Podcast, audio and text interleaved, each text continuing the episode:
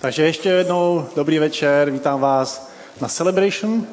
Dneska pokračujeme v sérii Skrytí hrdinové a já jsem si vybral příběh o ztraceném synu a je to příběh mladého člověka, který něco chce od života.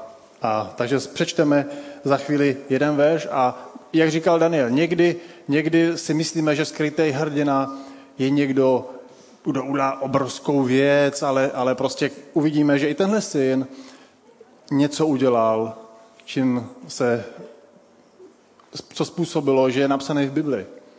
Že udělal něco, co je někdy těžký a přesto to překonal. Takže pojďme se podívat do Lukáše 15. kapitoly. Tam Ježíš říká, jeden člověk měl dva syny. A ten mladší řekl otci, oče, dej mi díl majetku, který mi náleží, a tak jim rozdělil svoje jmění. A za pár dní mladší syn všechno prodal a odešel do daleké země, kde svůj majetek promrhal rozmařilým životem. Určitě to čtete. A tam vidíme, že prostě všechno utratil. Když nastal hlad, tak prostě začal mít hlad a trpět nouzy. Později nakonec odešel a pásl prasata a měl tak velký hlad, že toužil jíst jídlo, který měli i ty prasata. Možná, že ne každý z nás tohle prožil. Ale nakonec přišel k sobě a řekl si, kolik nádeníků má u mého otce jídla na zbyt a já tu hlady umírám. Rozhodl se, vstanu, půjdu a řeknu otci, zřešil jsem proti ne, tobě i proti nebi. Už si nezasloužím být považován za tvého syna vidíme, že prostě on se opravdu pokořil. Udělej mi jedním ze svých nádeníků. A tak vstál, vydal se ke svým otci a otec ho spatřil a už z veliký dálky a byl pohnut soucitem a padl mu kolem krku, obejmul ho a řekl mu, přijal ho, tak zasypal ho polipky a pokračujeme. Takže on prostě přines mu ten prstel, vrátil mu ten prsten, který, který prostě, když odcházel, tak mu dal a tím mu ukázal, že ho miluje, že mu dává svoji autoritu. A zabili tele. Tady vidíme, že prostě přichází jeho brácha, jak to bývá, starší brácha je někde na poli a vidí oslavu a tak se ptá, co se to tam děje? A táta mu říká, nebo služebník mu říká, tvůj bratr se vrátil a tvůj táta je tak šťastný. A on říká, jak to? A on se byl naštvaný. On nebyl šťastný, že se brácha vrátil. Byl naštvaný, protože věděl, co udělal. A říká, podívej se, kolik let ti sloužím. Nikdy jsem nezanedbal jediný tvůj příkaz a ty jsi mi nedal ani, nikdy ani kůzle, abych se povesel s přáteli. Když ale přišel tenhle tvůj syn, který prožral tvůj majetek s děvkami, to je silný. On prožral svůj majetek s děvkami, porazil si pro ně vykrmený tele. A otec mu říká, ty jsi stále se mnou a všechno, co mám, je tvý. Ale oslavovat a radovat se bylo na místě, nebo tento tvůj bratr byl mrtvý, ožil a je nalezený.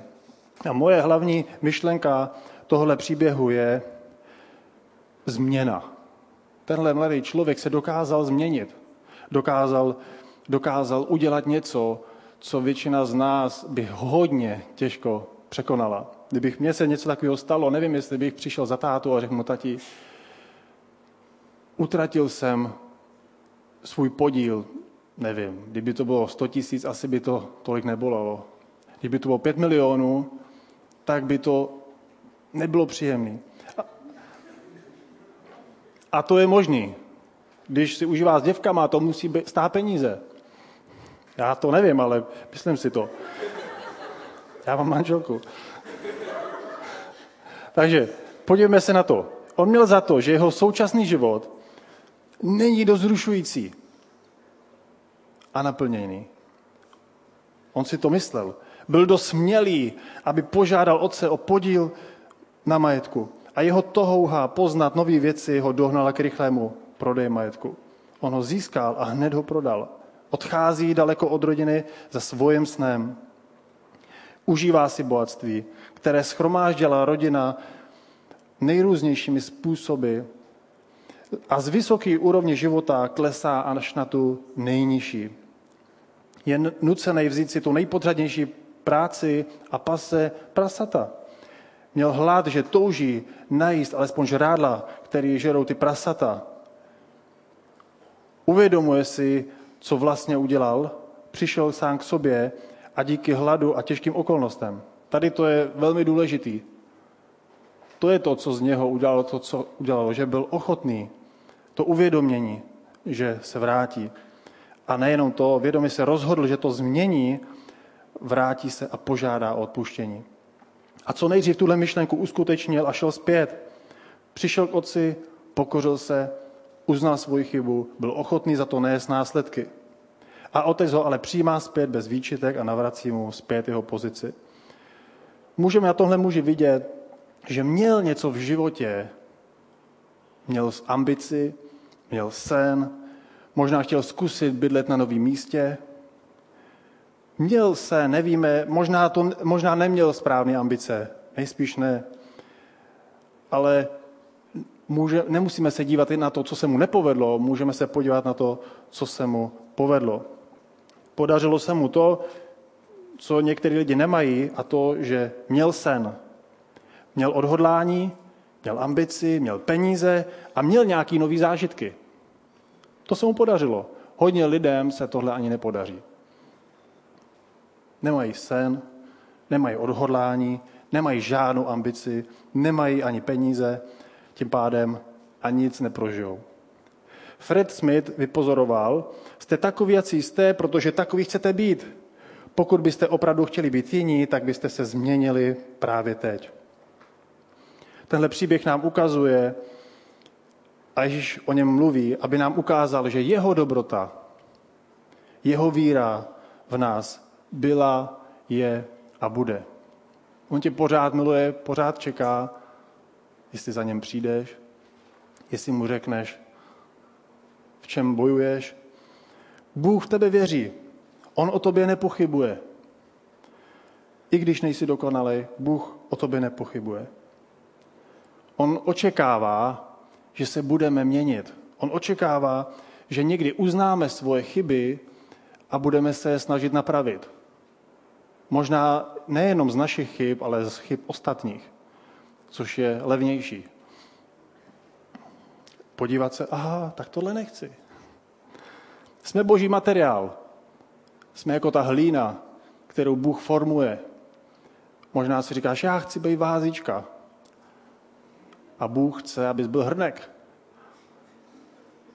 A já chci být vázička. Chci, aby, v mém, aby do mě dali tak kytičku. A Bůh říká, jo, jo, jo, já to vím, že chceš být vázička, ale já chci, abys byl hrnek. Ten hrnek, z který Honza každý den pije, ne? To bych ti nepřál. prostě jsme boží materiál. A Bůh nás sformovává do nějaké podoby. A my máme najít, co Bůh od nás chce. Klíčem je tedy zaměřit se na to, čeho můžeme dosáhnout, nikoliv na to, co nemůžeme. Andy Warhol říká, vždycky se říká, že čas všechno změní, ale ve skutečnosti se musí, musíte změnit vy sami. Vybral jsem si k tomuhle tématu video z filmu, který se jmenuje 12 podmínek dědictví. Je to film, který se mi strašně líbí, doporučuji ho a mluví o tom, nebo vypráví příběh, kdy vlastně člověk podobný tady tomu z Bible. Je to člověk, který má dědečka, který je extrémně bohatý, má, má firmy a společnosti v hodnotě několika miliard a jeho rodina je tím celá skažená. Naprosto. A on to ví a tak hledá někoho v rodině, kdo by nějakým způsobem to mohl převzít. A hledá a nachází jednoho člověka, Jasona, je to extrémně namyšlený a taky zkažený člověk, ale on v něm vidí potenciál. A v tomhle příběhu, který je velmi krátký, se podíváme na to, co on musel prožít, takovou tu první nejhorší jakoby, situaci proměny. Takže můžeme se podívat na video. Hej, frajírku! Je po snídani. Nemáš nějakou věcičku, co tě vzbudí?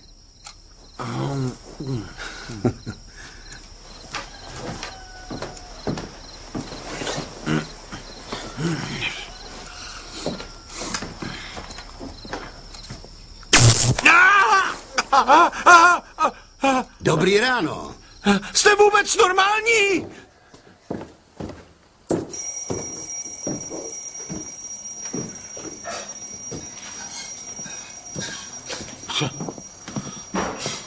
Pohni, práce nečeká.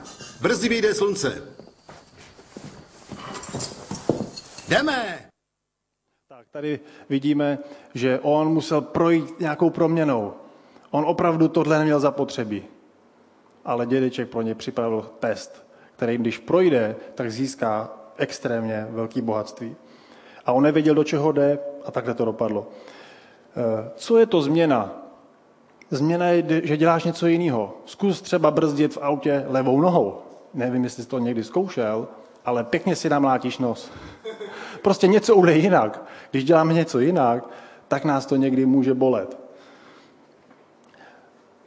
Mladík si splnil svoje sny mimo domov a uvědomuje si ale, že to není to, co je nejlepší. On ale se nevzdal a nepropadl panice a začal hledat cestu zpět, což je důležitá fáze, kdy vlastně, když uděláme něco, odejdeme někam z cesty, kterou jsme chtěli jít, tak je dobrý se vrátit zpět. Někdo kdysi poznamenal, hýčkejte si své trable a vylíhne se vám zoufalství. Mnoho lidí, kteří se potkají s nezdary, se ptá, proč? Proč já? Ale nikdy už nejdou dál. Takže nestačí se ptát, proč já? Proč zrovna tohle se stalo mně? Ach jo. Paul Mayer říká, 90% z těch, co neuspěli, nebylo poraženo. Oni to prostě vzdali. On měl důvod být zahambený a obávat se na reakci od jeho rodiny. A musel v sobě nalézt hodně odvahy. Maxwell říká, lidé se často drží toho, co znají, přestože s tím nejsou spokojeni. Strach je drží zpátky, ale jedinou cestou, jak se strachu zbavit, je jít vpřed a udělat právě to, čeho se bojíme. Tady to se mi hrozně líbí. Změna něco stojí. A pokud to nejsou peníze, tak je to čas, energie, tvořivost. Pokud změna nestojí vůbec nic, pak to není skutečná změna. Nevím, jestli jste to někdy prožili, ale když někdy v životě chceme něco, už jenom když se chceš, když vidíš nějakého krásného člověka, který se ti líbí a máš udělat ten krok, tak vnímáš určitý napětí. Mám to říct nebo nemám? Víš, že buď to řekneš a možná se netrefíš, anebo to řekneš a dopadne to dobře. To je změna, kdy prostě si ty vidíš, tak mám do toho jít. Já když jsem eh, chtěl říct Dáše, že jí mám rád, mě to trvalo asi tak hodinu, dvě, než jsem to ze sebe vymáčk. Nebyl jsem schopný. Vždycky jsem si říkal, tamhle u toho sloupu to řeknu. A byl jsem u toho sloupu. Prostě ta změna byla tak těžká. Proč? Protože je jednodušší být sticha a neudat to rozhodnutí. Ale představ si, že bych se nezměnil, že bych to neudělal. To si nedokážu představit. Tady máme obrázek o tom, jak fungují negativní myšlenky. Negativní myšlenky, když máme Protože ten obrázek jsem dal protože ukazuje, že se můžeme změnit. Když ale myslíme špatně, tak děláme chybný rozhodnutí, chybní jednání. A opakovaně se to točí takhle dokola a my zase myslíme špatně, jdu do školy, ach jo, bude to hrozný, všichni to říkají, bude to ve škole špatný a všechno se to točí. Nebo v mém případě, když já jedu s někam s rodinou tak už vidím, jak se balíme a děti nasedají do auta a já už tam tak sedím s tím přesvědčením a říkám si, to bude zase rachot. Zavřou se dveře a... a na tom budu pracovat. Celý život, dokud je nebudu vozit. Takže někdy to není tak jednoduchý změnit. Ale některé věci může změnit snadno. Nebo snáš. V tvém životě, v tvojí mysli. Můžu, mohl bych si říct, jsou tak skvělí, udělám to tak, že pojedu 200 a budu tam dřív, nebudu tak trpět, bude tam krava, neuslyším je. To není správný. Změna je to, že začnu o sobě přemýšlet jinak. A Bob Harrison říká, to samo nás může přenést na úplně jinou úroveň. V 17. verši vidíme, jak v něm dochází k uvědomění sebe sama a začíná se v něm utvářet pozitivní postoj k změně. On musel dojít tak hluboko, utratit všechny peníze, aby vůbec ho to napadlo. On se ale rozhodl v hlavě, vrátím se zpět, vrátím se zpět. V 18. verši už je e, tam vidět ta pokora k omluvě a k přijmutí zodpovědnosti za to jeho jednání. Negativní lidi říkají, jistá je smrt a daně. To znáte. A pozitivní říkají, slunce se zítra ráno objeví na obzoru a večer zajde. Co s tím jako? A co se děje mezi tím, je jenom na tobě. Takže, co uděláme? Proto se svým životem je v našich rukách. Rozhodni se, že poz, rozhodněme se o to, že získáme něco od života, od Boha. Zkus si teď říct ve, o své situaci. Každý z nás procházíme situacemi. Pojďme teď udělat takovou vyznávačku. Říct, řekni si pro sebe, jsem někdo, jsem někdo. Nebo, nebo se řekni, jsem krásný, krásná, můžu něco dokázat. Můžeš něco dokázat. Budu úspěšný, nebo co chceš ty. Věřím, věřím, že Bůh se mě použije, abych mohl někomu pomoct. Takže jsem, mohu, budu, věřím. Když začneš mluvit tyhle věci do svého života, snáš, překonáš změnu ve svém životě. Nikdo není tak malý, aby nemohl pocítit lásku Boží a žádný problém není tak velký, aby přemohl sílu Boží. Ve 20. verši vidíme, že jeho postoj a uvědomění přešlo do fáze uskutečnění změny. On neseděl na zadku a říkal si, já se vrátím. Ach jo. Kdy mi přijde ta kreditní karta? Ne. On prostě zvednul zadek a šel. Vrátil se.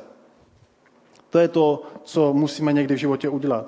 A tady pro tenhle eh, moment jsem si vybral druhý video, který je delší a popisuje celý jeho příběh, jakým způsobem on začal. Měl perfektní byt, perfektní auto, takový bych chtěl.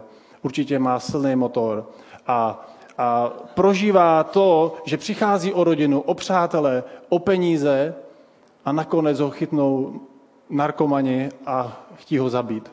Pojďme se podívat teď na to video.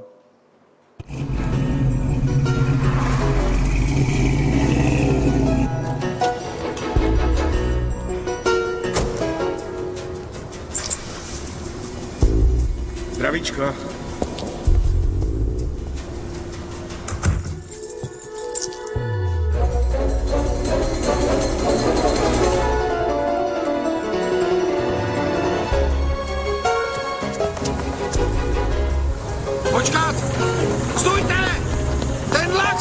consumo litro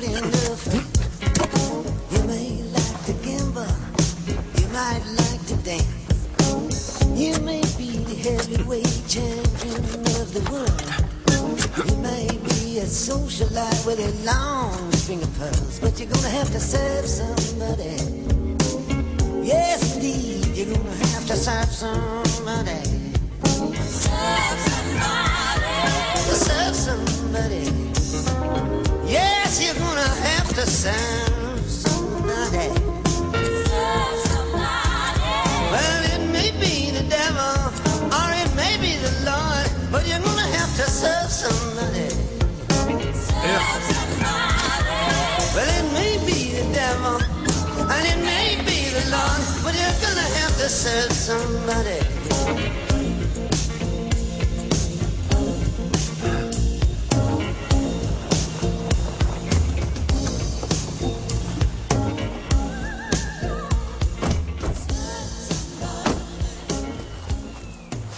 Jedem.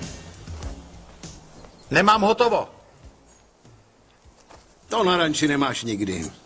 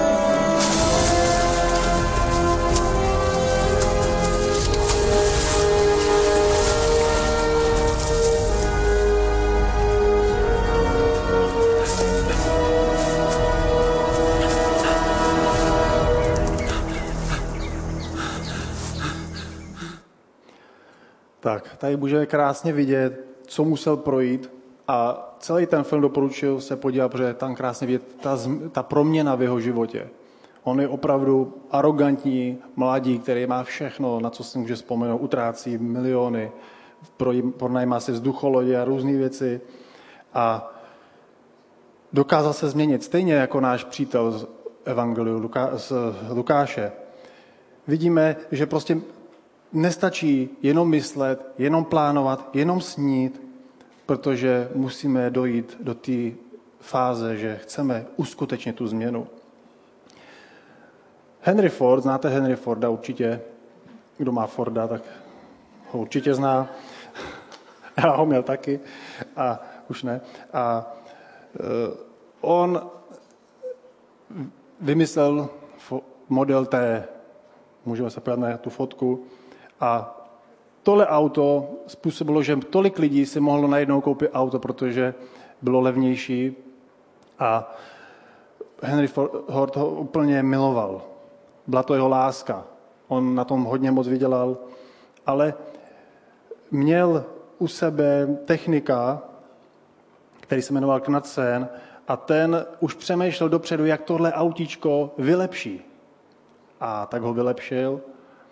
Henry Ford, mu to nepovolil, tak ho vylepšil, když byl v Evropě.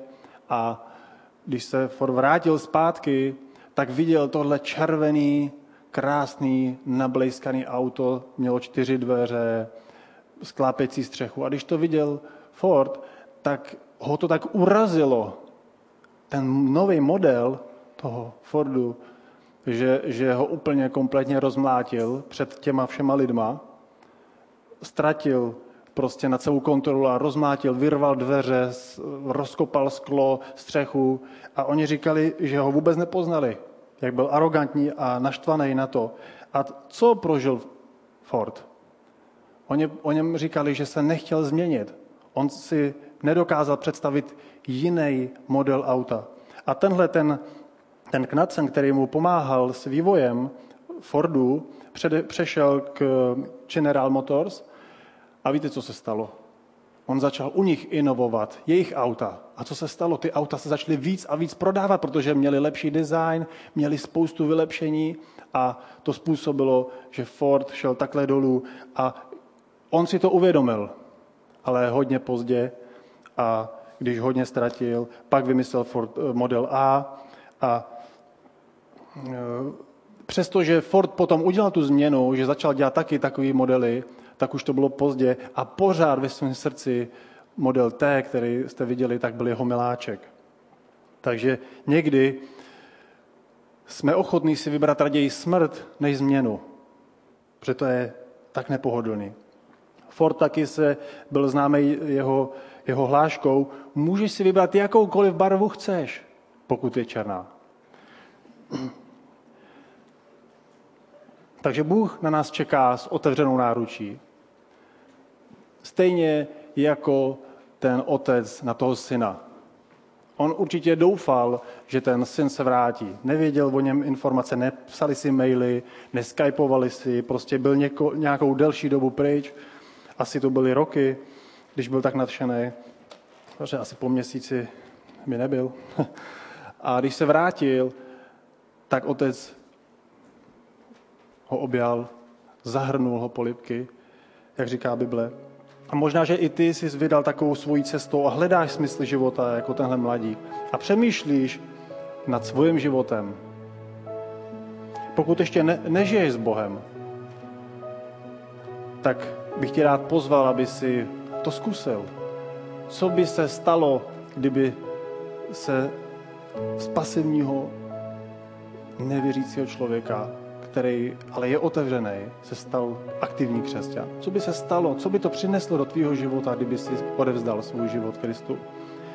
V, Říma, v epištole Římanům 10. kapitole se píše, vyznáš-li svými ústy, že Ježíš je pán a uvěříš-li v srdcem, že ho Bůh zkřísil z mrtvých, budeš spasen. Víra v srdci vede ke spravedlnosti a vyznání ústy pak vede ke spáse. Vždyť písmo říká, kdokoliv v něj věří, se jistě nesklame. Mezi Židem a Řekem tedy není rozdíl. Všichni mají téhož pána, štědrého ke všem, kdo ho vzývají. Vždyť každý, kdo vzývá hospodinovo jméno, bude zachráněn. Bůh čeká na tebe, otvírá náruč a říká, pojď za mnou. Co by to mohlo přinést? Tahle změna. Je to změna. Přejít k Bohu. Je to změna. Ale co by se mohlo stát? Mohl by si získat opravdovou lásku a odpuštění, kterou může dát jenom Ježíš. Žádný lidi ti nedají tenhle druh lásky. Odpuštění bys získal, který můžeš získat od Boha. Smysl a naplnění života. A můžeš získat opravdový kamarády a přátelé. Jestli můžu poprosit, povstaňte, pomodlíme se.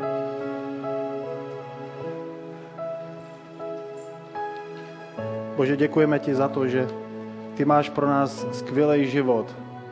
Že ty nás zveš a přijímáš nás takový, jaký jsme a my k tobě přicházíme právě teď a modlíme se za to, aby si přišel víc do našich životů, aby si se nám dal víc poznat a modlím se za to, Bože, pomož nám uchopit tu změnu do svých rukou, nezůstat stejný celý život. 他们